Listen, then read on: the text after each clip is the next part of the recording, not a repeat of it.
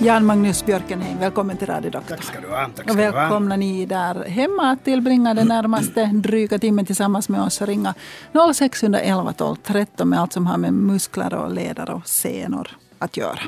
Den här tiden på året så brukar det vara smockfullt på Tölö traumatologiska avdelning på grund av alla halkskador, inte sant? Det stämmer. Det Hur ser det ut nu? Nå, nu är det inte så smockfullt, i synnerhet inte av halkskador. Men vi har något annat. Och jag skulle gärna ta fram det för att det är viktigt och vi, vi vill inte se någon från Svenskfinland där. Det är nämligen det att det är så förbaskat mörkt.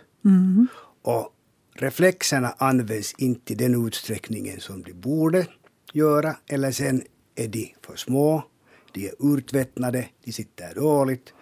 Och det är inte pop egentligen. Jag tror att det är en attitydfråga att många ungdomar tycker att det är mjäkigt att använda en reflex. Och det är ju, det är ju tämligen, tämligen dumt.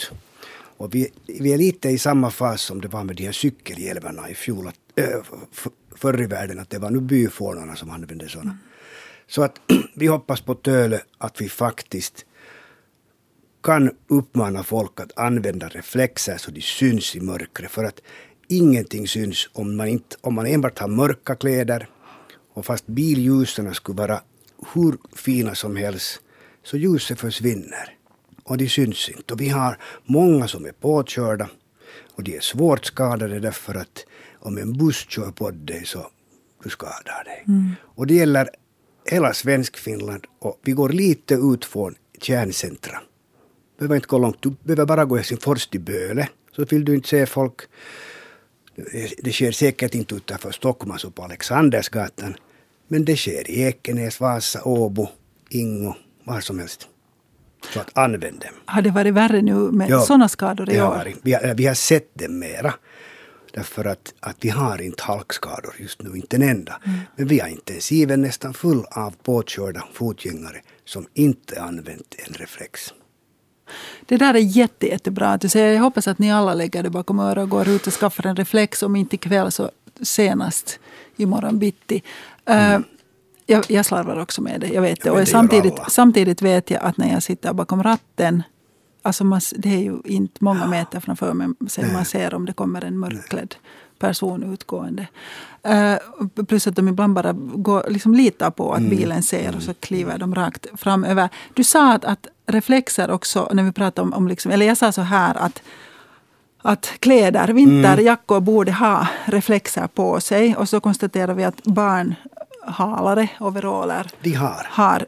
Men du sa att de tvättas bort. De tvättas bort ja, och det här färgämnet som används för de här reflexerna så den, den tonar ner, den tonar ut sig.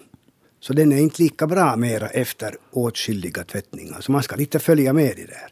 Och ha helst en reflex som fast hänger. Det må sen vara en känguru eller apa eller vad som helst. Men den är fritt och hänger. Då syns den bra. Eller sen har man insydda eller påklistrade reflexband. Eller sen har man västar. Det är ju det vi alla borde ha egentligen. Är det Ja, om, om man går på Mm. landet men i stan kanske de här västarna inte riktigt är pop. Nej, nej, nej. Men, men det finns, och det finns ju en massa roliga reflexer. Och det finns en produktutveckling som, som så är oerhörd.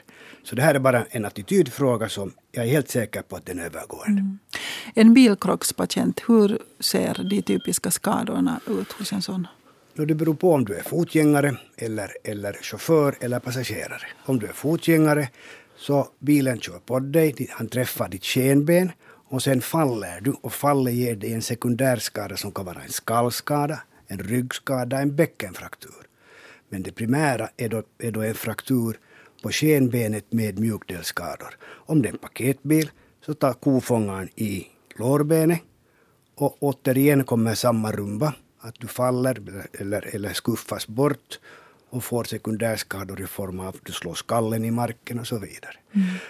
Och om det är en lastbil eller buss som träffar dig så då, då är det nog liksom adjö. Oftast. Eh, en eh, trafikolycksskada där, alltså den som sitter bakom ratten då. Vad händer med, med den? Mm. Ja, han är ju bäst skyddad av alla. Och, och de, de moderna bilar, bilarna med sina, med sina airbags, de är bra. Mm. Hur mycket skyddar en airbag? Det skyddar mycket. Det skyddar hela thorax, det skyddar hjärta. Och sen när de har nackstöd så får de inte sina klassiska whiplash-skador så lätt. Och, men det som inte skyddas av, av det där, äh, dessa airbags är fötterna. Du tar emot med fötterna. Mm. Du, när du kör krock så mm. vet man, du är inte som en dummydocka. Utan du försöker ju undvika den krocken med allt bara som, som du kan göra. Du sträcker ut på dina fötter och armar och allting för att ja. ta emot det där. Ja. Så du har ytterst svåra fotledsskador, du har svåra uh, vristskador, du får knäskador och så slår du upp mot, mot bäckenet så att bäckenringen går sönder, höften luxeras, knäskålen slås mot, mot instrumentbrädan, instrumentbräda ja. går sönder och så vidare. Om du inte har är fäst med ett säkerhetsbälte så flyger du vidare ut genom, genom, genom uh, vindrutan mm. och då och då är du illa ute. Och sitter den som är bakom dig, om den inte är fäst med säkerhetsbälte så flyger så den flyger på den dig? på dig, ja. ja och bak men... finns det just inte i allmänhet inte heller de här airbags. Nej. Och det, då flyger man hårt och då Precis, du kommer som en bryter raket. man nacken på den ja, som sitter ja. framför också. Uh, när vi nu pratar om bilskador så det här, vi har en fråga som gäller whiplash men eh, den, den, den hade de facto inte uppkommit uh, under vid en bilkrock. Men berätta lite whiplash, okay. alltså pisksnärtskada. Ja, vad, vad händer då? Det betyder då det att, att oftast så får du en kraftig stöt bakifrån. Mm. Det kan vara det klassiska är ju att du blir påkörd bakifrån av en bil. Du sitter framme och någon kör i rumpan ja. på dig. Och då far först din nacke bakåt och sen mm. framåt. Det är liksom det hela som du gör. Då får du den där pisksnärten. Uh, sen och, och den här skadan är klart definierad.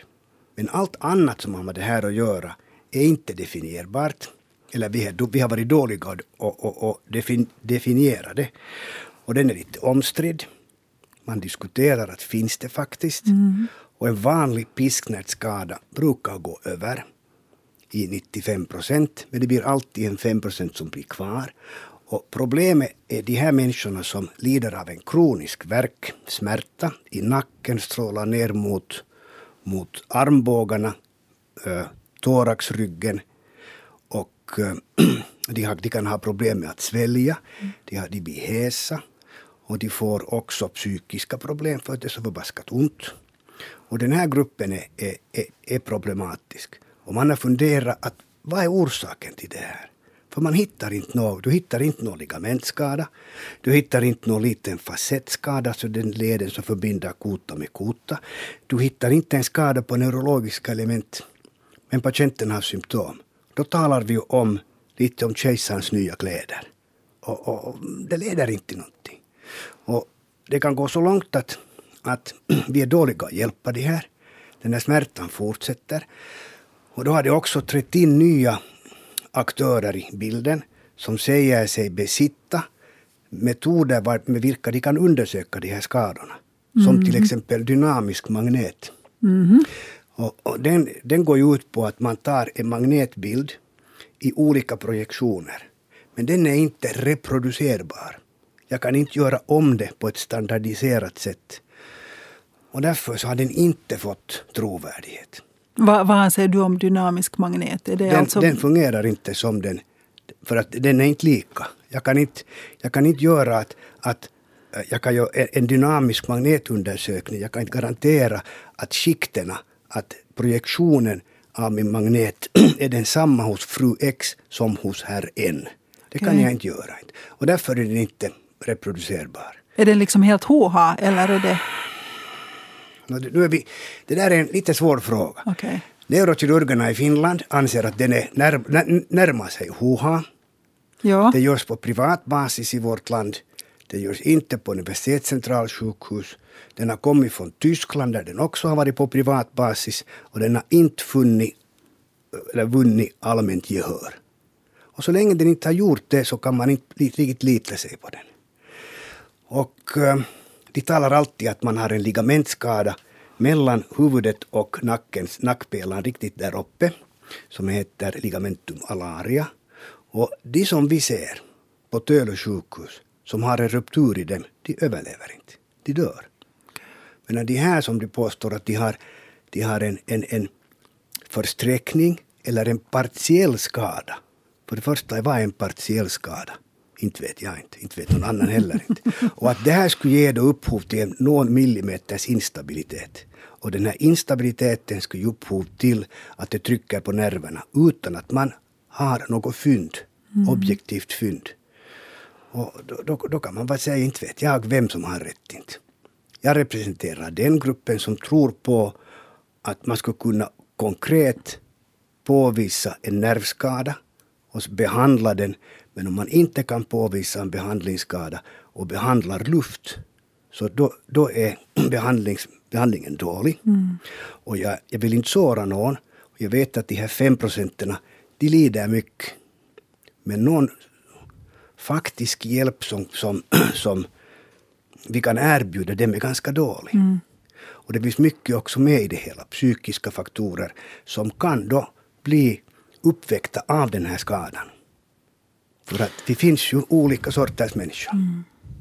Vi pratade, förra gången så diskuterade vi naturligt uh, svinsköldkörtelhormon. Mm. Som, som, och att, att många människor, eller nej, inte, inte alls många igen, utan en del människor uh, anser att de inte alls får hjälp av det tyroxin som, mm. som, ges, som finns på vårt apotek.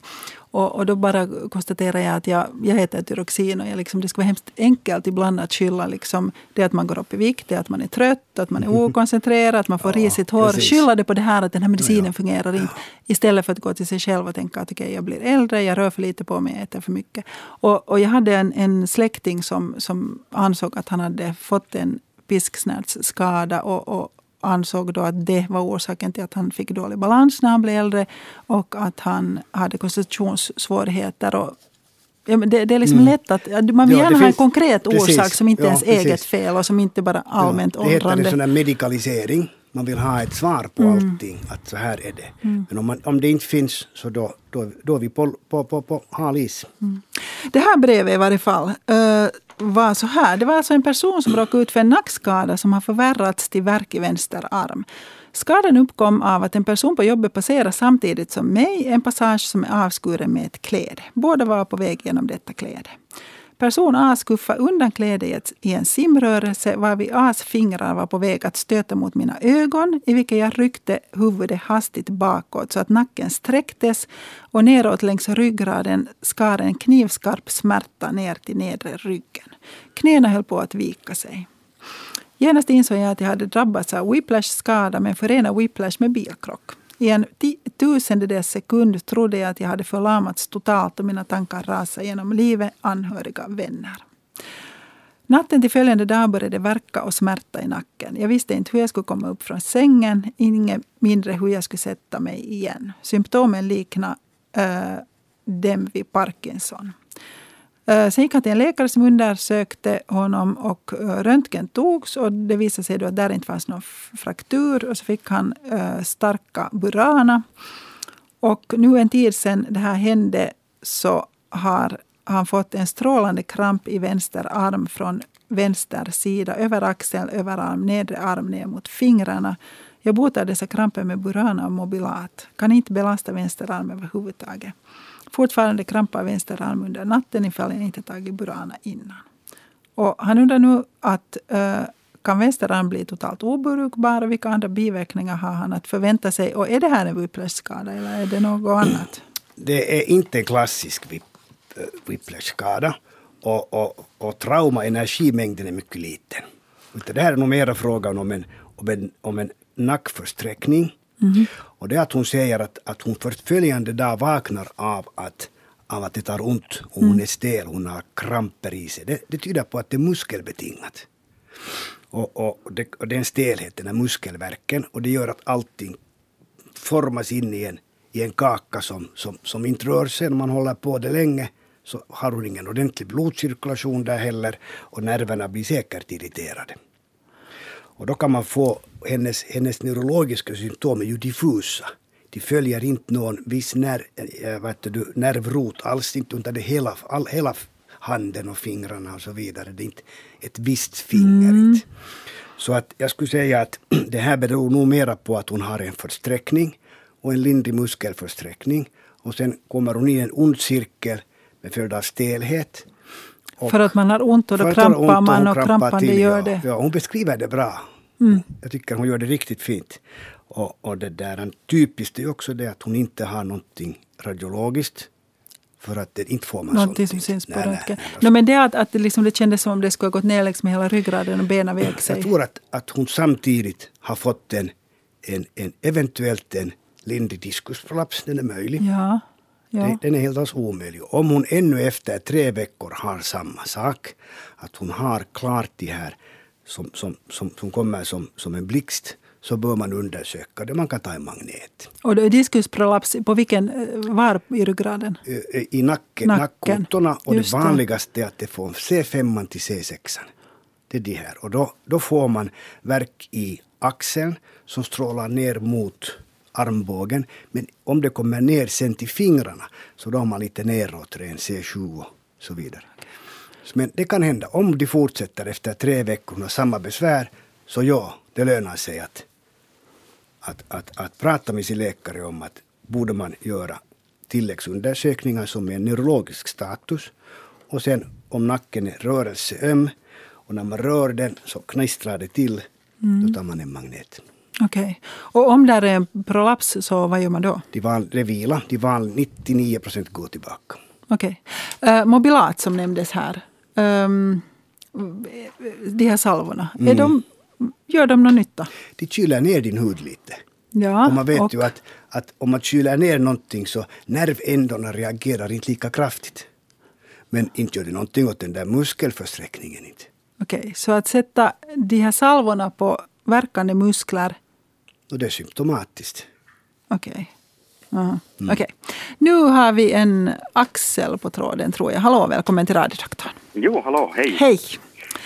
Ja, jag är en man på 44 år som, Ja, har, som har drabbat ganska många gånger av att få axeln ur led. ja, Och, och det började med en, en, det här, en, en squasholycka i, i mycket unga år och, det här, och sen har det upprepat sig ganska, ganska många gånger med ganska långa pauser emellanåt också. Och det, här, och, och det, här, och det som jag nu främst kanske undrar är att, eh, att hur, hur, hur ser prognosen ut i framtiden för sånt? Och när, I vilket skede man, man funderar på att operera och sånt och, Okej. och så vidare. Ja. Vill du berätta här, hur känns det att få axeln ur led? Det gör jäkligt ont va? Det är eh, någonting så pass hemskt att man inte riktigt ens kan berätta om det efteråt. Det man faller i någon slags trans och, och halv medvetslöshet Ja. och det här. Hur- Vem är det som har dragit den på plats tidigare? Nå, de, de, alla gånger utom i, i somras när det hände senast så hade, har jag liksom själv fallit i marken och på något sätt utan att riktigt veta vad jag gör så har jag satt den i led själv. Oho, okej. Och det. När det har hänt, är det så att, att liksom uh, hoppar den ur... Alltså vad, vad har du gjort då när den har hoppat ur led? Nå, allra första gången så sprang jag med axeln i full fart i väggen när jag spelade squash. Okej. Och det var då när jag var kanske tre, under 30 år i alla fall. Ja. Och, och, eh, sen får det, ge, ganska genast efter det så får det bara av att jag skulle vrida snabbt på ratten. Jag höll på och, och det här att köra på vägkanten med oskrapad vindruta och det här. Och snabbt skulle upp tillbaks på, på, på den lilla vägstumpen. Så då, när jag tog, gjorde en snabb rattrörelse så då, då vred jag axeln ur led igen. Men sen gick det många, många år och, det här. Och, sen följande gång så, så cyklade jag omkull riktigt redigt och, och, och då får det också. Och då medan jag låg där på, på trottoaren och, och hade cyklat omkull så fick jag på något sätt den i led själv. Uh, Ja, Janne. Okej. Det, där, det, här är en, det här är en bra berättelse och en, en riktigt fin fråga. Och 44 år, du är inte riktigt mer än snowboardare. Så inte att- mer än snowboard. Nej, du är inte riktigt i den åldern. Att, Nej. och jag kommer till, den här, till, till, till den naturliga gången som följer en axelluxation. Den vanligaste orsaken till, en, till att man får en upprepad axelluxation är, är, det som du sa, man har haft ett trauma och sen så går den ur led på grund av att broskringen är sönder. Broskringen fäster sig inte i skulderbladets ledpanna och i, broskring, i broskringen fäster sig ledkapseln. Så det är som ett fladdrande segel. Ja. Och, och då, då om du gör en snabb rörelse så kan den hoppa ur led igen. Men att det att du var många år riktigt bra, det tyder på att, att, att hoppet är inte helt förlorat. Inte. Man kan göra någonting åt det nu. Och i din ålder skulle jag, skulle jag nog börja med någonting som heter Rockwoodsträningar. Som inte har Okej. någonting med rock'n'roll att göra. Men eh, du, stab, du, du balanserar upp dina muskler som stöder skulderbladet och själva axelleden. Så hjälper då de här starkare musklerna att hålla den på plats Ja, om man råkar ut för en ny olycka? Axelns stabilitet beror på musklernas dynamiska effekt. När du rör på den så den, den hålls hela tiden. Den, är- den är centralt inne i ledpannan, överarmsbenet. Men om det visar sig så att man har upprepade olycksfall, åker omkring, omkull med cykel och den faller igen ur led så bör du uppsöka en ortoped han bör, eller en allmänläkare. Han bör undersöka dig och testa hur instabil din axel är och, jäm, och jämföra den med den andra. Om man här kan påstå att, att, att man gör en utåtrotation, man böjer armen utåt och du får en känsla då av att den hoppar ur led, så det är ett klart tecken på att din bröstring är sönder. Det heter apprehension test. Man blir man vaknar eller man märker att nu går det led och så spänner man fast alla sina muskler. Okej. Så att låt det undersökas. Och sen kan man också, om man är osäker, så kan man ju göra en, en, en magnetundersökning, Men, men, men det, krävs, det, är inte, det är inte nödvändigt. Utan din anamnes, du har haft upprepade luxationer, du har haft många trauma. Allt talar om att, att eh, din broskring är sönder. Om inte dessa Rockwoodsträningar hjälper och du har gjort det med tre månader och du märker ingen skillnad, då bör man överväga en operation som en titthålsoperation. Och vad gör man vid den? Man fäster den här bröstkringen på nytt. Nej, men kan man inte göra det utan Rockwood-träningar? Utan... Det, i, med de här Rockwood-träningarna så försöker man undvika den här operationen. Och en, för, en 44-årig man har stora möjligheter att undvika denna operation med dessa muskelträningar. Och hjälp får han från en fysioterapeut som kan, som kan lära honom och se att han gör de här gummibandsträningarna på rätt sätt. För de här musklerna finns bak, bakom dig, bak i ryggen och, och du ser ju inte dem själv. Du tittar, när du tittar på det så tittar du på ditt ansikte, men tittar du dig bak inte. Jag tycker är det inte måste... Den här, den här Ja. vanliga, vanliga motionen och träningen som man nu gör så där, om man är aktiv och, och sportar, så den, den, den gör inte den här muskeln starkare. Nej, det gör den inte. Det gör den inte, nej. Vad ska man göra med det gummibandet? Man, det finns en viss träning, som gummibandsmotstånd, som man drar åt olika håll, Okej. som, man, som man då blir lärd. No, men det här, jag bara tänker att, att har man varit med om det här, hur många gånger sa du att den har hoppat ur led? Jag har inte räknat, men nu börjar det nästan bli tio gånger, jag tror. Nå, om det börjar vara tio gånger så det lutar sig för att, att man börjar tala om att, om att man syr fast den på nytt igen. Men du ska komma ihåg att du har en rehabilitering som är ganska lång efter en skulderluxationsoperation. Precis. Jag tänker den- bara att man går omkring och är ganska rädd att det ska hända, inte sant? Om man har varit med om det tio gånger. Absolut, ja, absolut. Men samtidigt så den här rädslan skyddar en också. Mm. Men Det, sen det så, är ju det att man, är- man är ju väldigt rädd eh, Ja. en, tid, en tid efter att det har Sen glömmer man det. Sen, sen glömmer man Ja, det och sen, sen blir man våghalsig och sen, Ja. sen tänker man inte eller en det. normal rörelse, man, man, man, man tar någonting snabbt och får handen utåt så brukar den komma neråt och, och åt sidan, den här axeln. Reponering, det är ganska sällan den låser sig en, hos en 44-årig person. Men, men den kan göra det och då, och då krävs det att någon sätter den på plats. Och det som han sa, så länge som den är lö, låst och någon försöker röra på din axel så det tar ont i den, i den mån som, som, som, ring, som, som, som, den här mannen sa nyss. Det, är- det är säkert ett helsike. Ja. Ja. Men alltså, en ortoped kan undersöka det och se Ja. om bröstkringen är sönder och då kan Ja. man operera det. Så. Absolut. absolut. Är, det, är, det så, är det så efter en sån här operation att man måste gå med, med att, att det- ar- armen är fixerad uppåt i, Nej. i, i 90 grader? Nej, nej, nej, nej, nej, inte alls. Du har en, du har en vanlig mitella här nere. Jag vet inte varifrån de har kommit, de här, te, te, äh, de här terrorbilderna. Att vi har händerna uppåt, inkvisionen är slut. Vi, har, vi har dem neråt, du har en mitella. Ja. Och, och, och det där, poängen är det att, att man borde i början också sova med den så att man inte hastigt i, i, i drömmen fast börjar krama om någon. Utan- man, man, man, att, att den här rörelsen är borta så att den här broskringen kan växa fast. Just, Och det krävs alltid en bra rehabilitering efteråt. precis. Jag hoppas att du får hjälp och att du slipper vara med om det. Ja, jag hoppas, Fler jag hoppas, gånger. Jag tänkte, om, om jag får en liten, liten Det får du. historia för, att- för att ännu belysa det här ni talade om, om, om reflex och det här ni Ja. tidigare. Så jag, jag tänkte berätta som så att, att den sista gången, som, eller den senaste gången som, som jag råkade ut för det här så var det när jag idkade vattensport och det hände ute på, på vattnet ganska långt ifrån stranden och, och det här och, och utan flytväst tror jag inte att jag skulle sitta här och berätta det här nu. Nej. Så att, eh, så att kom ihåg flytväst allihopa också. Okej, Men jättebra. Så, men så vått hade det inte varit ännu. Men nästa sommar ska vi Nästa absolut. sommar, ja. Tack för den påminnelsen. Tack ska du ha. Tack och lycka Tack till. Tack, hej hej. Hej.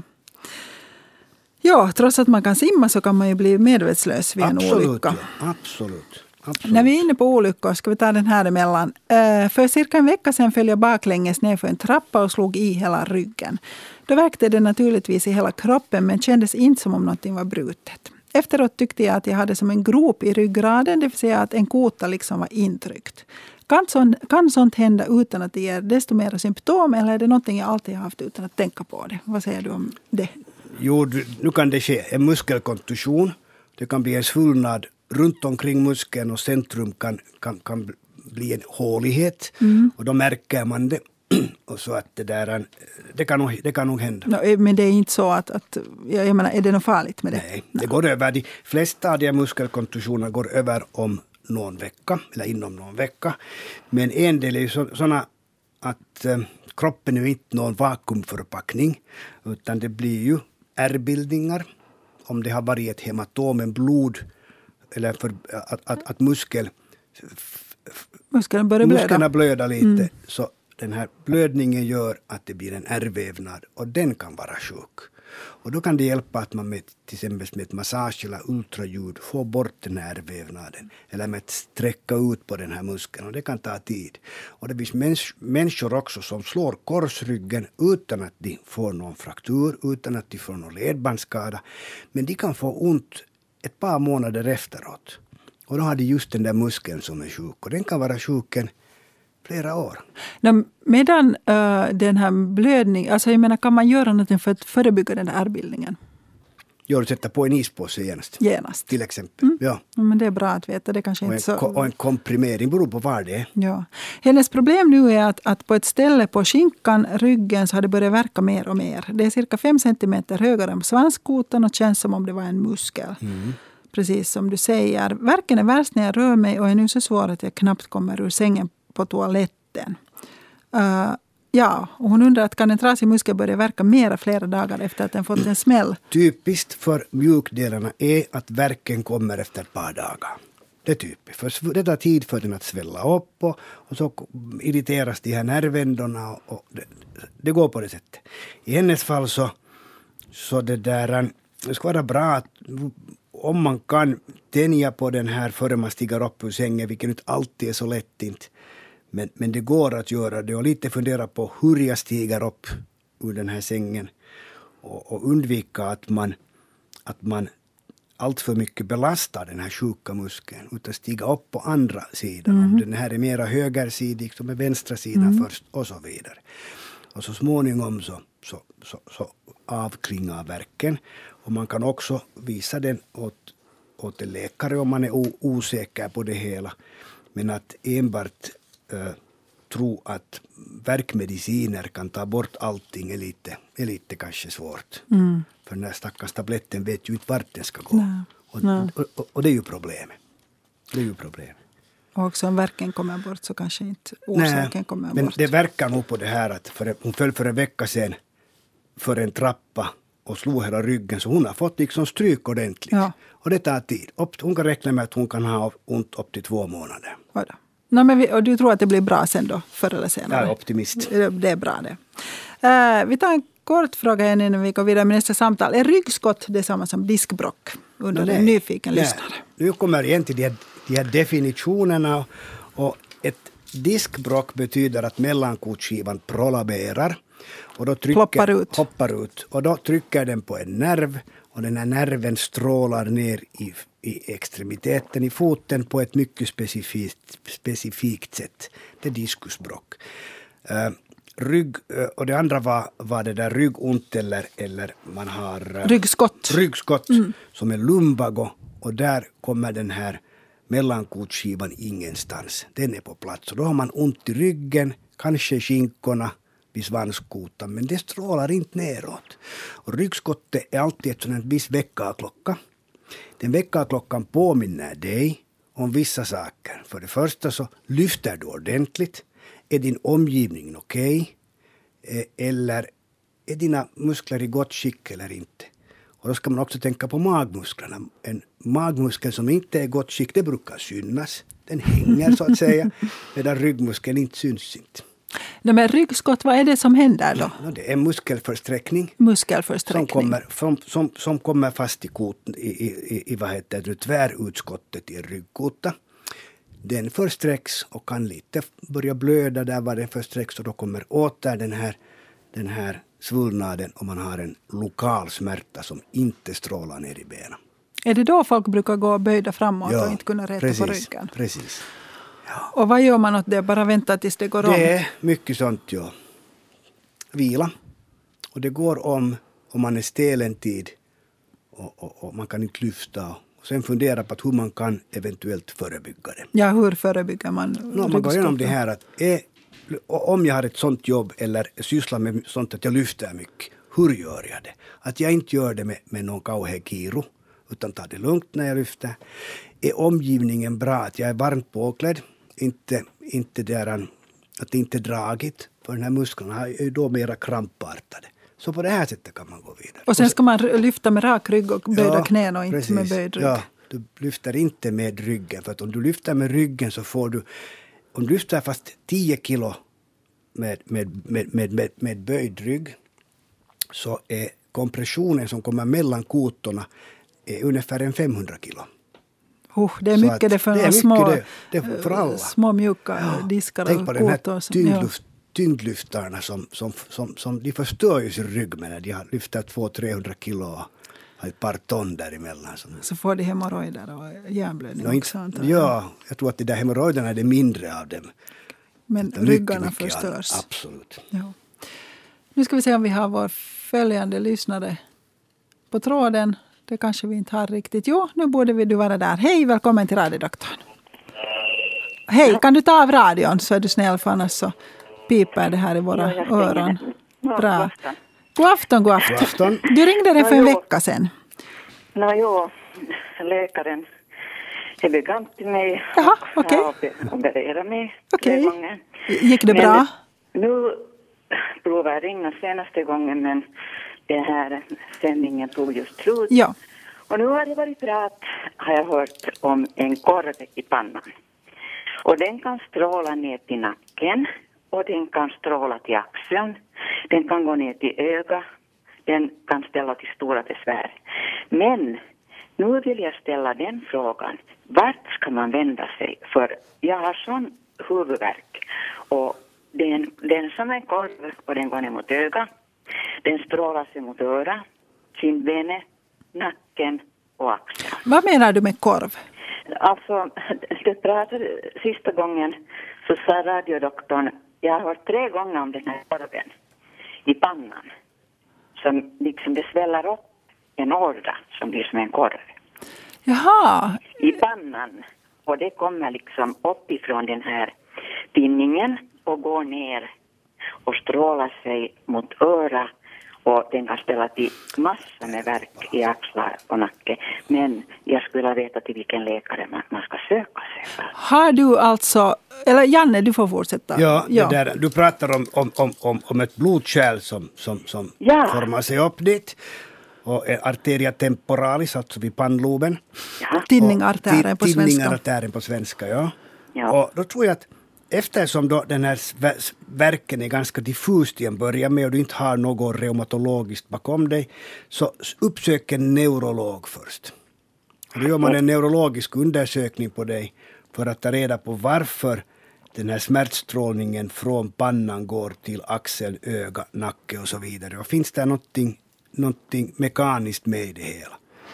Det, det Det verkar man så hemskt. Ja. det har hållit på nu i ett och ett halvt år men den sväller bara mera. Mm. Doktorn opererade min axel för ett och ett halvt år och jag tycker det har blivit lite värre för axeln. Den har lite blivit med nu i nacken. Den var spänd men nu är den inte spänd mera. Nu tycker jag att den har blivit förlöst.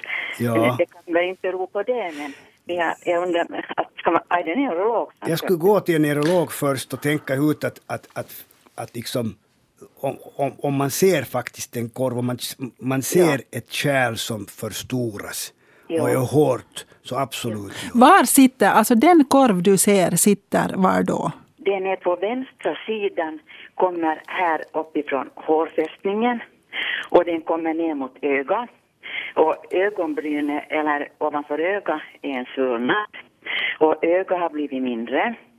Och så går den ner vid kindbenet till örat. Så går den hela vägen till axeln, eller till, i nacken och till axeln. De inte- och det verkar Ja, något ja, så- verken går väl dit, men korven går nog inte från, Nej, från nej, tinningen till men- axeln. Men den verk, Ja, ja, Men den korv som du ser, är den, Hur stor är den? Den har blivit högre hela tiden. och var, var går den? Den går just i pann, ska vi säga, och där som ögonbrynen slutar, Ja. liksom vid yttre ögonvrår. Just det. Vi Alltså, talar om tinningartären. Jo, ja, Ja. tinningen. Men, Absolut, men ja. temporalarteriet hänger, ju, hänger det inte nästan alltid ihop med polymyalgi? Ja, men jag, jag, sa ju först att hon inte har något sånt, att hon inte har något reumatiskt. Jag har, jag har sig. artro, artros, men inte reuma. Men inte... Jag tror så det. Och massor med verkar annars haft hela livet, men, men allt, alla möjliga fel. Alltså om det, om det, om det är en tin, tinningsartär som är, som är inflammerad Ja, så, så det där så en allmänläkare kan börja utreda det ja, och då, då tar man reda på om det finns också neurologiska orsaker till det, varav polymyalgi Myalgi. är då en av dem. Så att det här skulle tala för att också en neurolog blir inblandad. ja. Det, Alltså- gör, det gör mig nervös det här och, och vad heter det, går liksom på nerverna och jag har huvudvärk och det, det bråkar, jag kan inte ligga på den sidan och, och det, mm, det verkar som det skulle vara något liksom sån här, jag blir så nervös, liksom något neuro, ne, neurologiskt. Alltså men en temporalarterit kan ju sen också leda till att man förlorar synen för det kan, det kan Ja. vara... Ja, absolut, Så absolut. det borde, Ja. men har, du, har, har någon tittat på dig? Jag har varit till ögonläkare och jag har, öga opererades för, vad heter den här, rappeltumma. Ja. Men det var inte öga. Nej. Men har någon tittat på den här blivit korv... mindre. Det Han har tittar på blivit korven, han mindre. tar ju något provbit från det, ingenting. Nej, nej, nej, ingenting. De har bara undersökt, men abrumligt. Men Jag skulle rekommendera att du går till en neurolog Ja, som tar hand om det, undersöker dig och han kan vid behov sen konsultera människor som kan de här poly, Myalgi. polymyalgierna bättre. ja. Men, men det, där, det ska absolut undersökas. Och det är, Jo, det- inte, det är inte en, det är inte någon leksak. Jag tror att det, det är ganska... Det, det är jäkligt det här. Ja, men om det är en tinningsartär som är inflammerad så kan man också behandla den. Ja. Men först ska man komma till en diagnos och Ja. sen få namn på, på, på det som, som ni lider av och sen gå och göra det. Och sen diagnosen. Ja. Diagnosen ska, först, ska man först Jo, få fram, men kan man sen kan man göra behandla det. något före liksom, någonting åt Men det? Alltså om det är eh, temporalarteriet så, så botas det väl med kortison. Men, och det ska det göras för att rädda då ska man synen. ha- om det Men, är det. ja, men då ska man ha den här, den här diagnosen, Diagnosen. klar först, Ja. före man proppar i kortison. Och det får man genom att ta en provbit från artären och se att är den inflammerad. Men försök nu få, få tid hos någon, vem som helst läkare. Så, som- ja, eller fast, jag menar, så att du kommer vidare. Eller, ja, så att, så att Ja. du ska få hjälp, för det där låter ju inte speciellt roligt. Jag har frågat vår läkare men ingen vill skriva, remiss till neurolog. Men, men en, en, en sån här provbit tror jag nog att kan tas lite av vem som helst. Jag tror inte att det nödvändigtvis måste vara en. I princip kan det tas, men, men om det faktiskt i verkligheten är så, Mm. så betvivlar jag lite. Tyvärr. Var, var, förlåt, men varifrån tas den provbit? Den, tar, den tas från den här korv, er korv. Ki- Aha. Det låter obehagligt men det, det är väl ett ganska vanligt prov Ja, som jo, jo, tas. absolut, det är inte någon stor absolut. sak. Nej, nej, ändå. nej. Men jag, jag, jag är rädd för infarkt eller någonting för jag tyckte att det är någonting som rinner mig in i det Ja, där. men det, det, det har ingenting med infarkt att göra. Aha. Definitivt inte. Och inte heller någonting mer axel eller muskler gör, utan det här är någonting som är helt skilt. Och Ja. därför är det som Jessica sa här flera gånger också, så uppsök en neurolog eller allmänläkare. Man får den diagnosen och diagnosen baserar sig på en klinisk undersökning, på en histologisk, alltså en provbit som undersöks och sen kan man behandla er. Och, och en reumatolog är det väl egentligen som Ja. sköter polymyalgier. Men, men någon borde nu bara ta tag i det tycker jag. Jo, och ta jo, en det- provbit och se om det kommer därifrån. Sen finns det ju en möjlighet att verken kommer från någonting helt annat, stela axlar. Absolut, och, ja. och att ja, den ja. här Men korven kommer inte från nej, det nacken kommer och inte från Nej. axlarna. Helt Nej, det, det är nog mera pannan och ögat Ja, och, Ja. ja. och allt det här. nu. Neurolog, reumatolog, inre medicinare. Jo. Och så hoppas vi att du får hjälp, gärna före jul. Försök ringa till din hälsostation Ja. och tjata på dem och säga att nu mår du dåligt. Ja. Ja. Och hänvisa till det här samtalet. Jo, tack för hjälpen och god jul. Tack. God Även så, jul, även lycka så. till. Hej, hej. Hej då. Hej. Jo, det lät inte så bra. Alltså, vi, har haft, Nej. ja, vi har haft frågor om korvar tidigare, men jag har inte riktigt liksom alltid förstått vad som menas med korv. Men nu vet jag. Hon menar för framtiden. det vad hon Alltså, känner ja, själv. Ja, Definitivt, precis. Ja. Julia Roberts har en sån här åder vet du, som går Ja. ö, ner längs med pannan. Som när, när hon liksom spelar arg eller är bekymrad så sväller den upp. Har du lagt märke till har Det är har ganska stor till som går här mycket mitt annat i. Julia Roberts, men kanske det inte har med radiodoktorn att göra. Du tittar på annat än hennes panna. Så jag, Mm, jag är kvinna, jag lägger märke till. En eh, 27-årig eh, kvinna, eh, normalvikt, allmänt frisk, inga sjukdomar, skriver Hej, har kramper i båda benen. Vet att det beror på mitt fysiska jobb, men vad kan man göra för att minska på kramperna? Stretcha. Magnesium har jag provat att ta, det har ingen effekt. Dricker också tillräckligt med vatten både på jobbet och annars. Kramper i benen är ofta ett tecken på att allt inte är riktigt okej. Du, har, du, är, du är inne i en obalans. Dina muskler är icke i balans. Och de skyddar sig med att krampa ihop. Så att de kan inte kontrahera sig ordentligt. De kan inte sammandra sig mera. De, eller, eller när det är krampat så kan de inte mera komma tillbaka. Så att det är nog ett, det är ofta ett långvarigt fenomen som, som, som då kommer fram senare i form av kramper. Alltså vi pratar vi om sendrag Vi nu. pratar det är om, liksom, det är en form av sendrag. Ja. Och vi vet ju inte direkt orsaken till sendrag. Vi vet bara att det, att det förekommer mycket. Och, och eh, en bidragande orsak till, till, till den här sendragen en överansträngning. Eller att du inte har kunnat sköta om dina muskler på ett sådant sätt att, att, deras kontraktilitet är bra. Utan när de går i viloläge så drar de ihop sig och så hålls de där. och idrottare får det liksom oftare Idrottare än, får det, får än det vi oftare, andra. ja. Det är en överansträngningsskada hos dem då. Sen får andra, det lite, kan lite likna den här polymyalgin också, Mm. komma med i det, som, som kan ha dålig blodcirkulation och har åter överansträngt, överansträngt sig. Så de här går ihop. Hon pratade om att, att hon dricker tillräckligt. Hur är det med saltbalansen? Kan det, Kan nog. om hon förlorar Ja. salt när hon svettas, Definitivt. skulle det vara Definitivt, värt ja. att prova? Ja, det finns ju olika, olika eh, drycker som Mm. man kan ta, idrottsdrycker, som inte innehåller anabola steroider. Mm. Så att det, är nog, det, det finns mycket sånt man kan försöka sig fram. Och om hon går på något gym så kan hon prata där med de här instruktörerna, de vet om det mycket också. Om hon inte gör det så kan hon uppsöka också en hälsocentral och, och, och diskutera fallet. Hon pratade om magnesium. Sen kan det väl alltså ha eh, alltså kalium på- och kalcium. Ja, brist på magnesium kan ge upphov till muskelkramper, men då är det fråga om en grav brist redan. Fast många människor som har sendrag tar magnesium och tycker Det att de mår de, ja. bättre Ja, trots att de inte precis, har brist. Precis. De tycker att de mår bättre, men Ja. inte, inte har man ju bevisat det. Men så länge de tycker att de mår bättre så är det okej. Mm. No, hon tyckte nog inte att det hjälpte. Mm. Hur är det med kalium och kalciumbalansen? Borde den kollas? Man kan kolla upp den, jo, men jag tror inte att, att den har just så mycket med det här att göra. Mm. Eh, vi diskuterade sendrag med Robert Paul uh, för no, det är ganska länge sedan. Jag började skriva ut vårt samtal för att sätta in det på webbdoktorn. Och jag kom aldrig... Oha, ursäkta så hemskt mycket. Det är min telefon som ringer.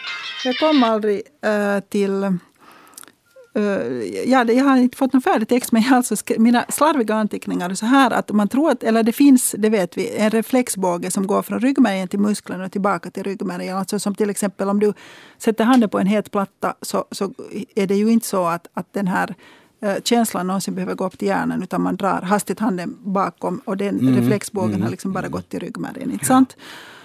Och uh, man tror att vid sendrag så, så är det den sammandragande delen av centrala nervsystemet av den här reflexbågen som jobbar för fullt och, och, den här avslappnande delen jobbar inte alls och då blir det en obalans i det här.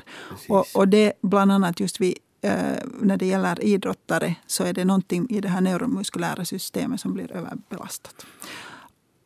Ja. Och den här överansträngningen som, som gör det. Nu vet jag inte hur mycket den här 27-åringen rör sig. No, tydligen mycket. Alltså, hon mycket, ja. fysiskt Så, Men då, då börjar man lite fundera, att finns där någonting? Är det, har hon haft en, har hon stukat någon vrist eller, eller någonting som, som, som möjliggör att den där muskeln och det sena inte mår riktigt bra.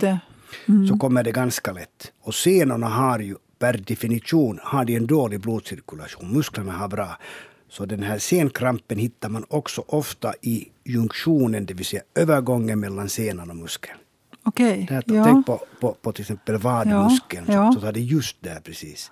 Det är en 20 cm ovanför akillessenans fäste. Har du några tips om vad no, det, no, Då kommer de här tänjningarna, om det just den muskeln som om det är vadmuskeln som krampas så är det tänjning. Och, och före man går och lägger sig, för på nattetid kommer det ofta mm. när man tänjer ute, så tömmer man de här musklerna på mjölksyror och annat som man kan bli kvar där och ligga. Som kan ge upphov till att den här reflexbågen och automatiken störs och ger upphov till att den inte kan relaxera sig mera. Så tänj ut på den. Mm. Och det gör också att blodcirkulationen mår bättre.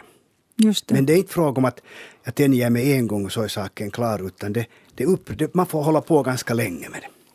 Då när vi diskuterade senast så hade ni lyssnare jättemånga tips om hur man skulle undvika mm. sendrag. Allt från liksom värme och massage Eh, och allt möjligt annat. Och då var det bland annat en lyssnare som skrev så här, på tal om stretchning. Sen jag lärde mig av en fysioterapeut ett speciellt sätt att sträcka benen har jag nästan aldrig sendrag. Varje kväll ligger jag på sängen och gör vissa andra rörelser men det viktiga, är att motverka sen, det viktiga för att motverka sendrag tycks vara att ligga på rygg med böjda knän och sen sträcka ett ben i taget i 90 graders vinkel med fotsulan mot taket. Alltså om jag förstår det rätt så ligger man på rygg, drar upp knä mot magen och sträcker upp mm. underbenet rakt upp och fotsulan mot taket. Kanske det är inbildning, men de få gånger sendraget slår till tycks det alltid vara då när jag inte har gjort de här övningarna på kvällen. Det här hjälper bättre än magnesium, skriver den här men det var hon beskriver. Hon beskriver precis samma gör man ju om, om, om man påträffar, påträffar en sendragning på ett på, på en idrottsanläggning, en fotbollsspelare som mm. för det. Då lägger man ner sig och så tänjer man ut det. Man sträcker, sträcker på, ja. på vristen så att du sträcker på din vadmuskel. Och då kan man kanske då göra det möjligen i förebyggande syfte? Det kan man göra så länge man har sitt sendrag i vadmuskeln. Men vad är om man har den fast i fotvalvets muskel? Då sträcker man ut den? Nej. Nej. Det, så att det beror på lite var det är. Ja. Då, får man, då får man göra på annat sätt det hela. Ja. Och, och, och, och steget från ett sendrag till exempel till en, till vad heter det nu, en, en, en, en, en plantarfaskit är inte så långt. Uh, en vadå? En... En, det som man får, man får, man får sendrag i fotsulan ja. och så kommer den här helsporren till dit. Så, så det, det är liksom det kroniska i det hela. Jag menar att steget från Menar man har några ena... gånger sendrag, så det, är, det, kan, det kan vara ett tecken på att man har en benägenhet att få Aha, en, en, en, en, inflammation i, i fotvalvets sena ja. som, som kallas då en, en, en plantarfaskit. Okej. Okay. Har du något mer råd att ge henne? Nej, jag tror inte, utan att undersöka henne, nej. Tror du hon borde undersökas? Om Eller? det är ett stort problem med henne så borde hon gå till en idrottsläkare som skulle kolla upp hennes muskler. Okay. Se vilken muskel det är fråga om och vad man kan göra alla fall. Okej. Okay. Och för tydligen så är hennes fysiska jobb ett sånt som hon måste ha. Fysiska jobb kanske är bra mm. annars också. Mm. Men stretcha kunde hon. Ja. Alltså man sträcka ut vadmuskeln om det är vadmuskeln det kommer. Mm. Nej, men jag hoppas att det, hon får hjälp på ett sätt eller annat. Nu har vi en sjuk fot på tråden. Välkommen till radiodoktorn. Ja, Kron-Åke, hej. Hej Åke, hej, hej. här är Janne och Jessica i studion. Ja. Du har ont i foten? Det är båda två. I båda två? Ja, jag har det. Och det här, inte det eh, någonting som man ska hänga upp sig på, men att man far och sover på kvällen och man lägger sig på rygg och tårna pekar uppåt, så då blir fötterna sjuka till morgon. På morgonen när jag vaknar så är de sjuka ömma. Men mm -hmm. det, är, det är inte hela benet utan det är endast nedanom vristen foten och yttre sidan är ömmare. Och är det liksom i huden eller är det djupare in? No, det, det, brukar vara djupare. Både, både och. Mm. Mm. Inte har du stukat din vrist någon gång? Att, att inte har du nyligen stukat din vrist? Vricka foten? Nej, hördu, jag är 90 år, så stukar jag Nå ja, då, men, men 90-åringar kan också stuka sina vrist eller vricka fötterna. Ja, men då är det en sak också. Jag har eh, en som vi kallar för sockersjuka, men det är ju ingen okay. sjuka det, utan det är ju ett tillstånd som, lever i, som människan lever i friskare mm. än andra människor. Mm. Mm. Jag hade i 40 år, så det borde ju vara van med det också. Men det här är någonting att sen jag stiger upp och går och tvättar mig på WC, så då är benen så jag kan springa fast maraton. No. Det låter bra. Bra. Det där, jag tror jag vet vad du har. Jaha. Det är det att och det har inte någonting att göra egentligen att du är, att, att du eller ni är 90 år. Utan det finns i lederna finns någonting som heter ledhinnan. Ja. Och, och, och nere i vristen eller ankeln är det ju, är det ju ofta så. Och mm. den här ledhinnan kan lätt inflammeras just till exempel när man ligger efter att man har legat länge och fötterna har varit, på, har varit orörliga. Ja. Så samlas det lite ledvätska mot den här ledhinnan. Och i den här ledhinnan så finns det nervändor som reagerar mot smärta. Mm. På ett fint namn så heter det synovit.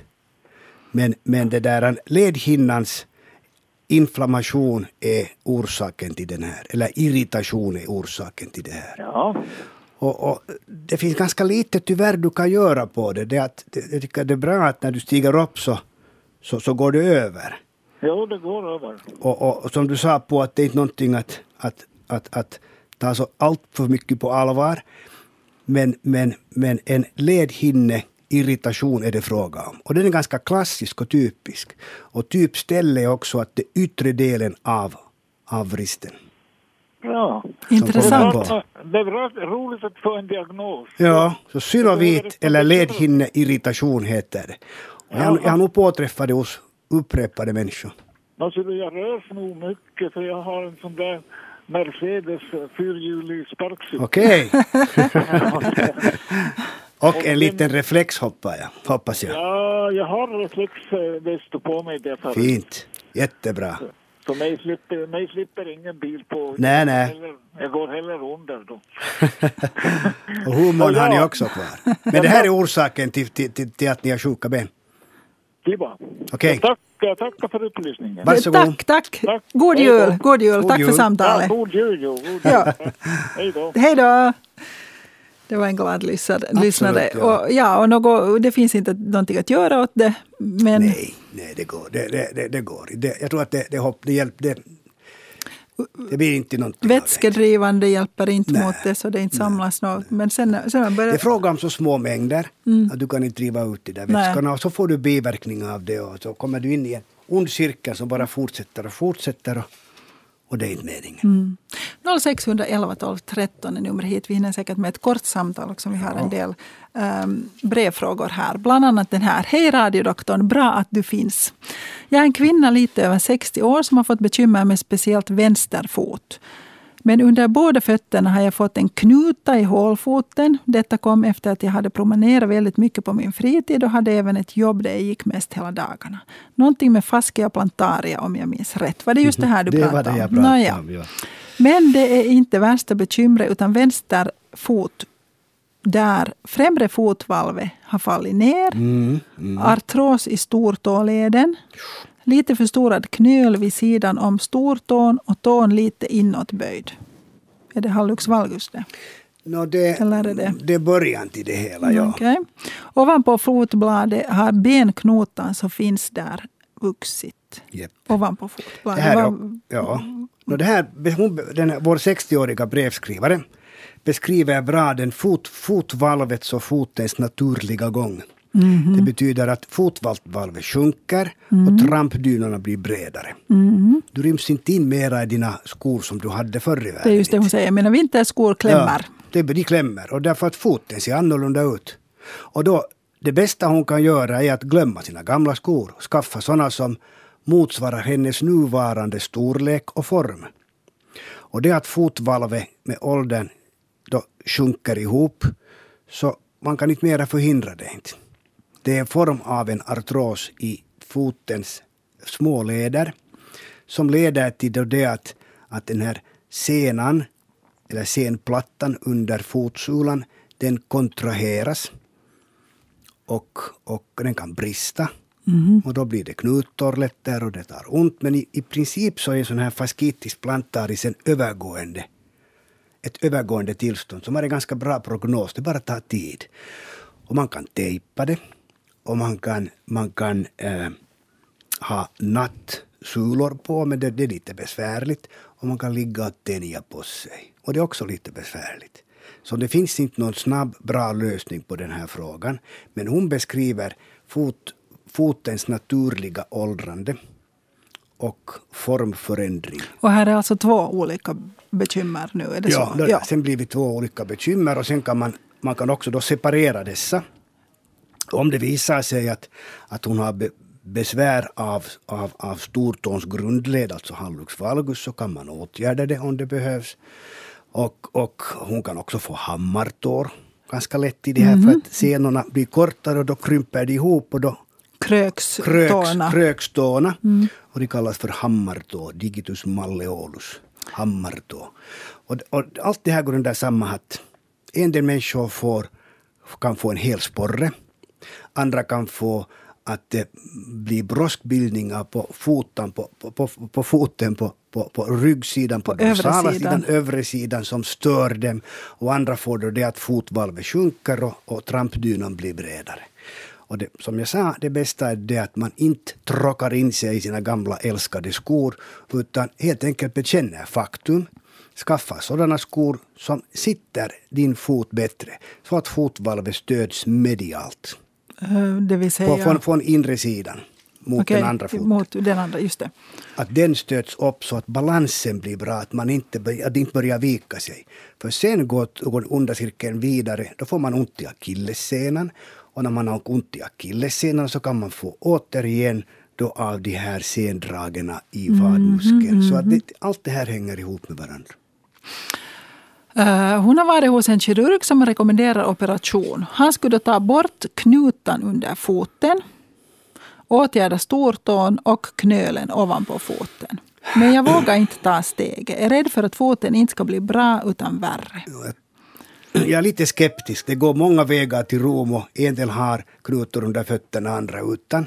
Men, men att operera, att ta ut ett litet problem utan att se helheten så blir inte lösningen. Inte. Man ska nog se till att vilken är mjukdelsbalansen? hur, kan man, hur kan man motarbeta att fotvalvet inte, inte går, i- sackar ihop mera. Men att börja ta bort något knutor från, från den här senan, det är, jag tror att det är, eller jag vet att dess resultat inte är någonting som är alltför lockande. Så Okej. jag har samma åsikt som patienten, var Ja. lite försiktig med det. Okej, och åtgärda stortån och knölen ovanpå foten kirurgiskt. Vad anser du om, om man det? har, om man har en broskbild ovanför foten och man skär bort den så den kommer tillbaka. Okej. Som en blomkålsväxt. Som kan vara större än tidigare. Så utan det är fråga om hela fotvalvets balans. Och stortån då? Och stortån är, om stortån börjar kröka sig inåt så att den går under de andra tårna så bör man åtgärda det. För att då är du inte mera i balans med din fot. Du går dåligt, du går sämre, du har tyngden på ett annat onaturligt ställe i din fot och det tar mera ont och du kommer in i den här klassiska onda cirkeln och du kommer inte ut därifrån. Men de andra sakerna skulle du alltså lämna? Jag skulle lämna de andra sakerna. Jag skulle korrigera hallux valgus eller stortåndeformiteten och se till att jag har bra skor, skor eller skodon som, som inte trycker och, och, och som, som, som bär upp hela fotvalvet. Hon skriver att finns det verkligen ingenting man kan göra åt främre fotvalvet som fallit ner? Alltså, ho- s- När det en gång har fallit ner så, no, inlägg, ja men inläggen de är lite krångliga att ha. Och inläggen kr- kr- kräver också särskilda skor för det ryms ju inte i allting. Nå, inte de där fina högklackade skorna som no, hon skulle vilja ha. Tyvärr så Mm. kan hon nog glömma dem. Tyvärr, tyvärr. Eh, Okej, så Men- om hallux valgus blir svår så, så då eh, gör man någonting åt det och Absolut. resten gör man Resten får inget. man se sen om det behövs. Om hon, om hon får en kronisk felställning så i vissa specialfall så kan man, kan man vet nu göra en calcaneus osteotomi men det är jättestora saker. Då tar man alltså bort ben. Nej, utan man, man, man, man, man klyver helbenet så att man får en annan vinkel på det. Men det är stort. Det låter stort. Det är stort och det, det gör man nog mycket, mycket försiktigt. Ja. Okej, bra. Jag tror att du stödde henne i hennes Jag hoppas, aningar jag, att men jag hoppas det också att hon hittar någon som stöder hennes fot. Det hoppas jag också. Um, bästa radiodoktor, jag är 89 år och har ont i båda benen, främst vrister och fotsulor. Min diagnos är stenosis canalis spinalis, alltså um, spinalstenos. Ja, spinalstenos. och neuropati eller polyneuropati. För cirka sex år sedan föll jag och skadade fyra, fem ryggkotor och en nerv blev kläm. För fem år sedan opererades jag vid Tölö men utan önskvärt resultat. Vad, vad, vad är det för operation? Är det då en spinaloperation ja. man gör eller är det på grund av fallet tror att- någonting? Eh, Det som man opererar på Tölö ofta i samband med ett fall att, att hon har fått kompressionsfrakturer och de går i kyfos, de lutar sig framåt. Och samtidigt så går det olika benbitar in i nervkanalen, in i ryggmärgskanalen och de måste tas bort. Ja. Och då måste man höja hennes ben, det vill säga steloperera och det är det vad man gjort åt henne. Och om det för sex år sedan, hon var över 80 år när man gjorde det, så då, då har indikationen att göra det är ganska vital, att hon inte ska förlamas. Och om det inte gav önskvärt resultat, vad tror du har hänt Jag då? tror, att, ja, jag tror att det är det att, att man har inte kunnat ge åt henne en mekanisk stabilitet med bentransplantat, med de här ryggimplantaterna, skruvarna och, och det där plattorna. De, här, de räcker inte till helt enkelt. Att hennes osteoporos fortsätter. Hon har en förträngning av ryggmärgskanalen, den här spinalstenosen, som fortsätter. Och den är säkert kronisk och den ger upphov till att hon har ont i fötterna till exempel. Så det kommer från ryggen i hennes fall. Det är inte fråga om att fotsulan eller fotvalvet skulle ha sådana, för, sådana förändringar som förklarar hennes besvär.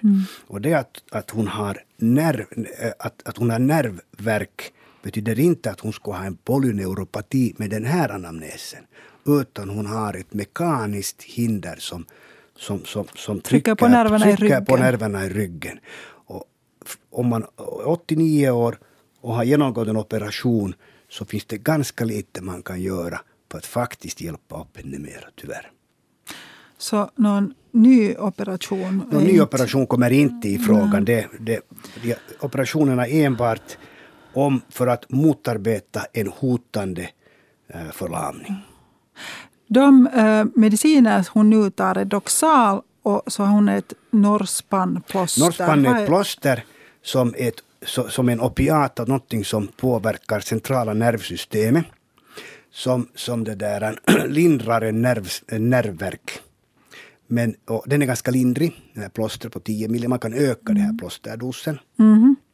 Det kan hon tala med sin läkare om. Doxal sen så, så, så är, är därför att den här uh, Norspan-plåstrets verkan skulle bli bättre, men det tycks inte riktigt räcka till. Inte. Jag skulle gärna se att någon ortoped skulle titta på de där röntgenbilderna, titta på patienten, hur mycket hon har sackat ihop, hur osteoporotisk är hon, hur mycket hon har blivit böjd för att kunna utreda det hela. Och, och, men man ska inte ge allt för starka opiater åt åldringar. Om man är 89 är man, är man väl just, just en åldring. För att det kan ge biverkningar. Man kan bli råddig och du får en obstipation som är svår att behandla. Och egentligen så då, då har du inte kommit någonstans. Du har bara eventuellt bytt ditt besvär mot ett annat. Alltså de här eh, nervmedicinerna, värkmedicinerna, nervmedicinerna- Lyrica och de ja, här, de är, det de du hos åldringar om? kan de ge upphov till och med till, till psykoser. Okej, då ska Så vi man kanske ska, undvika man ska det. vara försiktig med dem, definitivt. Just hos åldringar. Det finns många som blivit helt råddiga. Och inte klarar sig hemma sig mer av att de har blivit råddiga. Och det är ju inte meningen. Norrspannplåstret, det, det skulle eventuellt då kunna Det kunna, ökas man, ska, man kan öka det ännu. Ja. utan att man blir råddig. ja, precis. För att det är någonting som sugs in och, och det, det är ganska liten dos av det du får av det. Hon undrar hur är det med akupunktur?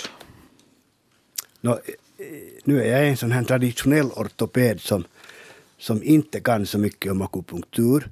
Men i fråga om, om osteoporotiska kompressionsfrakturer så en, enligt litteraturen och min egen erfarenhet så brukar det inte hjälpa.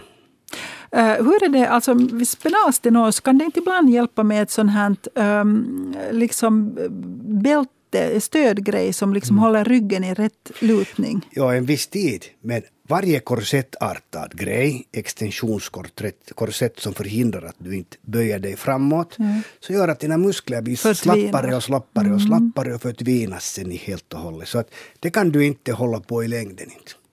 Men om man ska bära en sån på dagen och sen ska man försöka jumpa på kvällen och stärka musklerna. Jag tror att det inte går sånt. ihop. Inte. Ja. Jag tror att det inte går ihop. Inte. Du använder de här korsetterna i akuta fall av en kompressionsfraktur som inte behöver opereras för att se till att den fylls, läks i ett sånt läge att den inte sackar ihop allt för mycket mer. Men du använder den i ett par antal veckor, sex veckor och sen slut. Okej. Har du något mer råd att ge henne? Tyvärr inte. Men kanske den här ö, Jag ska, plåsterdosen jag, skulle ska kunna absolut gå, ökas? gå på den men något, något nya starka opiater skulle jag inte rekommendera. Nej, ursäkta, ursäkta. Förlåt, förlåt. Men tyst, tyst, tyst, tyst, tyst. Det här brukar jag inte göra. Jag brukar komma ihåg att jag trodde det som jag hade tagit av den. Uh, ännu en fråga, sen ska vi så småningom börja sätta punkt. Jag undrar om ni kunde berätta lite om kar- karpaltunneroperationer och hur stor chansen är att handen återhämtar sig helt. Jag har fått väldigt olika uppgifter från olika håll. En läkare sa att nerven, eh, eller gäller det nervens funktion och känsla, växer tillbaka med eh, en millimeter per dag. Med takten en millimeter per dag. En annan sa att om nerven har varit i kläm tillräckligt länge kanske känslan aldrig kommer tillbaka. Vad säger ni? No, om nerven har varit i kläm tillräckligt länge och den har klara förändringar så vill den inte läkas. Men det här med millimeter per dag har ingenting med karpaltunneln att göra utan det har att göra med de nervskada som man syr ihop till exempel. Och så kommer, kommer känslan tillbaka sen senare.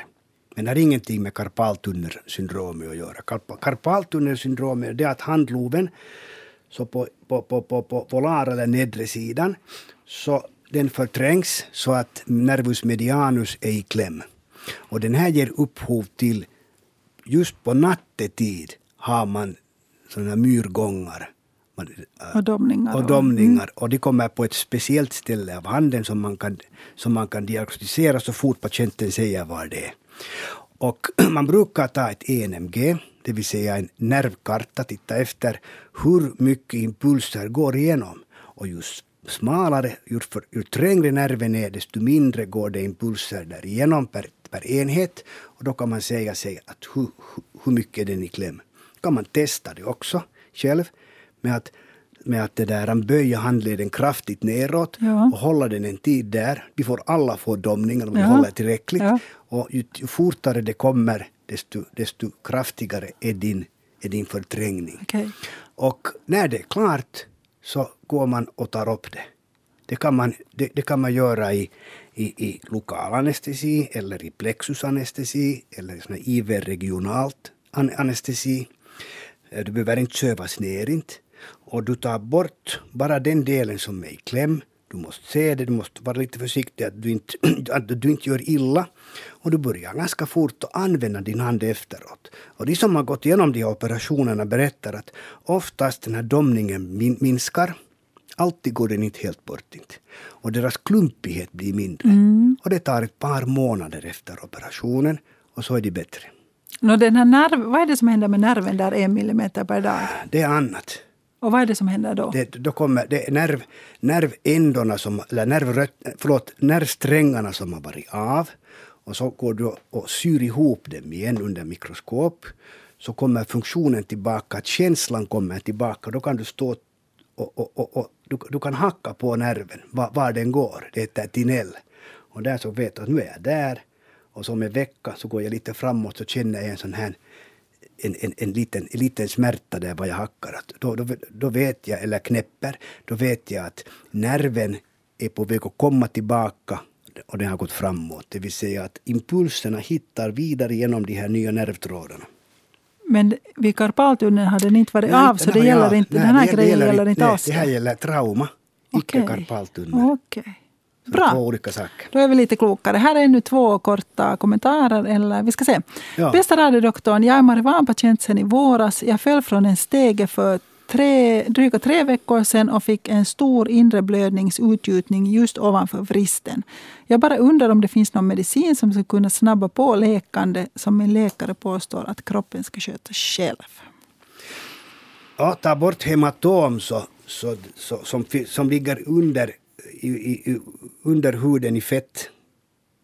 Så att nej, inte, inte, jag känner inte till någon medicin som, som skulle effektivt ta bort det. Man kan pröva med de här salvorna, hirudoidsalvor och grejer. Mm. Men, men hur pass effektiva de är, det, det, det, vet jag inte. Det där blodet rinner sen så småningom neråt och samlas vid Och sen vet du, nu förändras det ju. Det, blir det, det, det här hematomet blir gult jo, det sugs upp och du får alla regnbågens färger. Och en del människor kan också att de kan år efter det ha en liten brunhet på det stället. Okay. Här är en hälsning på tal, alltså hon som hade problem med hallux, hallux valgus ja. och knölar under och ovanför yep. fötterna. Uh, jag har haft inlägg gjorda hos fotspecialister mm. sedan 1999 varje dag och får in dem mer och får in dem eller, dem eller mindre fästskoinlägg som jag har köpt på instrumentarium. De har mm. räddat mitt liv. Det är bra det. En del får hjälp av det. Ja. Bra. Man kan gott försöka det. Samt att knipa upp fotvalvet varje dag för att stärka mm. musklerna Stämmer. så de inte faller ja. ner ännu mera. Det här på uppmaning av fysioterapeut. Alltså knipa ihop tårna, då är det ja, så man tänker. Ja, ihop tårna så då, då, då vad heter, nu förstärker hon plantarismuskeln, det stämmer. Och det, och det pratar vi om lite också här. Och hon skriver att inläggen i min käraste ägodel köper aldrig skor som de inte ryms in i. Men hon har också bytt skor som är lite större än annars. Hon får de här inläggen att rymmas. Det kan vara, men hon har ändå äh, fästskor ändå. Mm, mm, som är också lite större än de gamla fästskorna. Ja. Men säkert lika vackra. Säkert lika vackra. Tack för ett fint program med trevlig attityd. Tack för ett trevligt brev och tack för att ni delar med er av era tips. Det är alltid lika roligt. Ska vi sätta punkt uh, nu? Jag pratade med en lyssnare före sändningen som hade uh, tyroxin, hade problem, alltså sköldkörtel underfunktion och nu är hennes TSH 0,12, det vill säga det är för lite. Um, vi kan ta upp den här frågan om en vecka med mm. Robert Paul här och vad det betyder när, när TSH sjunker och T4 stiger och så vidare. Jag tror att det är bättre att de svarar vi på gör det. det. Men alltså det som vi väl kan konstatera är att, att, att det verkar som om hennes dos skulle vara lite hög men utan att diskutera med sin egen läkare ska hon inte gå ändra den på egen hand. Ska vi göra så? Absolut. Det, det, det, det, det, är klokt. Det är vi klokt, skickar ja. henne till mm. hennes ja. egen läkare. Och så var det en äldre man som hade meniskruptur som bör gå och få den, få den lagad. No, vi, kort det innan vi sätter punkt. Meniskrupturer, mm. en del Alltså, det är ju inte någonting som omedelbart bums när man faller i slalombacken Nej. behöver opereras. Nej, alla behöver inte opereras. Inte. Men just det, alla behöver inte Nej, opereras. Men vilka, alltså, när De, opererar man och ja, när inte? När man opererar dem som kommer mellan ledytorna och ger upphov till att du inte kan sträcka på ditt knä. Det låser sig. Det blir stelare mm. och det är sjukt. Du kan inte alls vrida på det. Mm. Dem, dem kan det vara bra att kolla upp att de inte har har en mekanisk orsak till att knäet inte rör sig normalt. Och dem går du och artroskoperar med titthålstekniken och putsar upp det. Ungdomar så kan man sy fast menisken, men ju äldre man är desto, och då talar jag om över 30 år rent tyvärr. Aha, aha. Så, så, så tar man och tar bort den där trasiga delen. Sätter man något istället? Man har inte gjort det hittills. Man tar bort den trasiga och ser till att du har bra vad och, och det där quadricepsmuskler. Och du läks ganska fort efter den här operationen. Det tar ett par veckor och du är i kondis igen. No, men för jag har haft bekanta som liksom där läkaren har sagt att ja, du får välja, ska det opereras eller inte. Nej. Att hur mycket har du tänkt skidaslalom i framtiden? Det de- tycker jag är fel sa att, ställe. ah, Utan man ska nog göra det med, med medicinska indikationer. Och inte fråga patienten att fråga din mamma om du ska opereras eller inte. Det, det, det tycker jag är fel. Utan det är nog läkare som tar, tar beslutet och ansvar. Och hur snabbt, alltså hur långt efter skadan kan det opereras? Det kan opereras ganska långt också efteråt. Men ju större rupturen är, och den kan ju växa också efter skadan, ju, ju större den här mekaniska låsningstendensen är, desto, desto snabbare borde du bli opererad. Om du har ett, om du tänker dig en pendelrörelse, ena hållet opererar du genast, du har ett låst knä som går ingenstans. Du kan inte gå omkring med ett låst Nej. knä. Och så har du andra som ibland låser sig. Det tål inte att du går ner på huk, det tål inte att du går i trappor, det tål inte att du kan springa, du kan inte göra några snabba rörelser. Så bör du utreda att hur mycket, hur stor del av menisken är i kläm och tar jag bort den. Före det sker några broskförändringar som gör att det läks mycket, mycket långsammare. Och, och när börjar broskförändringarna ske? börjar sen efter några månader. Så före det borde det helst Ja, göras. från skadan bör man göra resultatet att göra någonting inom några veckor och operation efter några månader. Kort fråga ännu, för den kom in just nu. Hej, vår dotter 16 år har frakturer på båda kotbågarna, Mm. fjärde kotan. Hon spelar handboll aktivt. Ordinationen är vila. Uh, vad kan åstadkomma dylika fraktur, vad heter det, frakturer? Benbrott. Mm. Och kan det bli bestående men av detta? Hon har säkert på ländryggen, fjärde ländkotan och de här taggutskotten utåt. Mm. Om man är 16 år så bör man komma ihåg att kan det vara en, en, en så kallad marschfraktur, en belastningsfraktur. Har hon tränat så mycket att hon har fått ryggen sjuk? Det är möjligt. Och annars, vilan är upp till två, två, tre månader till och med. Att, allt, att den här ver- verken fa- faktiskt är borta. Eh, om det är de här kotbågarna så kommer hon att klara sig bra. Hon får inga bestående men av det. Vad roligt då. Hon kan fortsätta att spela men jag skulle, jag skulle, man ser på röntgenbilden och så tar det i snitt två månader. Kan man kolla upp det på nytt en röntgenbild och se att det faktiskt har läkt. Det blir en liten kallus, det blir en liten broskformation där. Och samtidigt så, så ska hon tänka lite på att om hon har vuxit mycket, hur mycket lång, är hon mycket stark eller hur, hurdan, hur, hurdan kondition är hennes ryggmuskler och magmuskler och, och bäckenmuskulaturer och, och, och kolla upp och, och träna upp det här samtidigt. För att oftast utan trauma hos en 16-årig flicka som spelar handboll så är det fråga om en belastningsfraktur. Okej. Det står och- ingenting om trauma där. Nej. Och, och om det är en belastnings... Alltså det, det är överansträngning. Överansträngning. Och då ska man vila tills det har förbenats. Och sen ska man analysera varför det. det träna för mycket på ett fel sätt eller någonting som inte passar min läggning. Okej. Och vi önskar dem lycka till. Tack Jan Magnus Börken. Hej, tack ska du ha. Det var riktigt trevligt. Vi, det var mycket trevligt. Vi ses inte före jul så jag önskar dig en riktigt god jul. Tack även så. Men vi hörs sen nu. En gång före jul, om en vecka, så är Robert Paul här. Han är- han har inte varit med på länge, men nu hoppas eller ja, det blir roligt att se honom om en vecka. Jag vet att han ser fram emot att komma hit om en vecka. Han är alltså hematolog, blodspecialist, men, men han brukar kunna svara på alla möjliga olika frågor. Så vill ni skriva till honom på förhand så får ni gärna göra det till radiodoktorn postbox 12 00024 rundradion eller radiodoktorn.vegasnabela yle.fi. Sen om två veckor där i mellandagarna då ska vi banta tillsammans med Robert Bergholm. Men det ska vi inte stressa över ännu.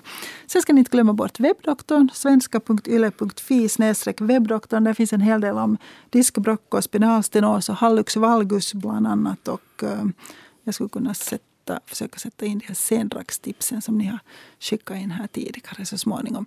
Vi hörs om en vecka. Ha det bra till dess.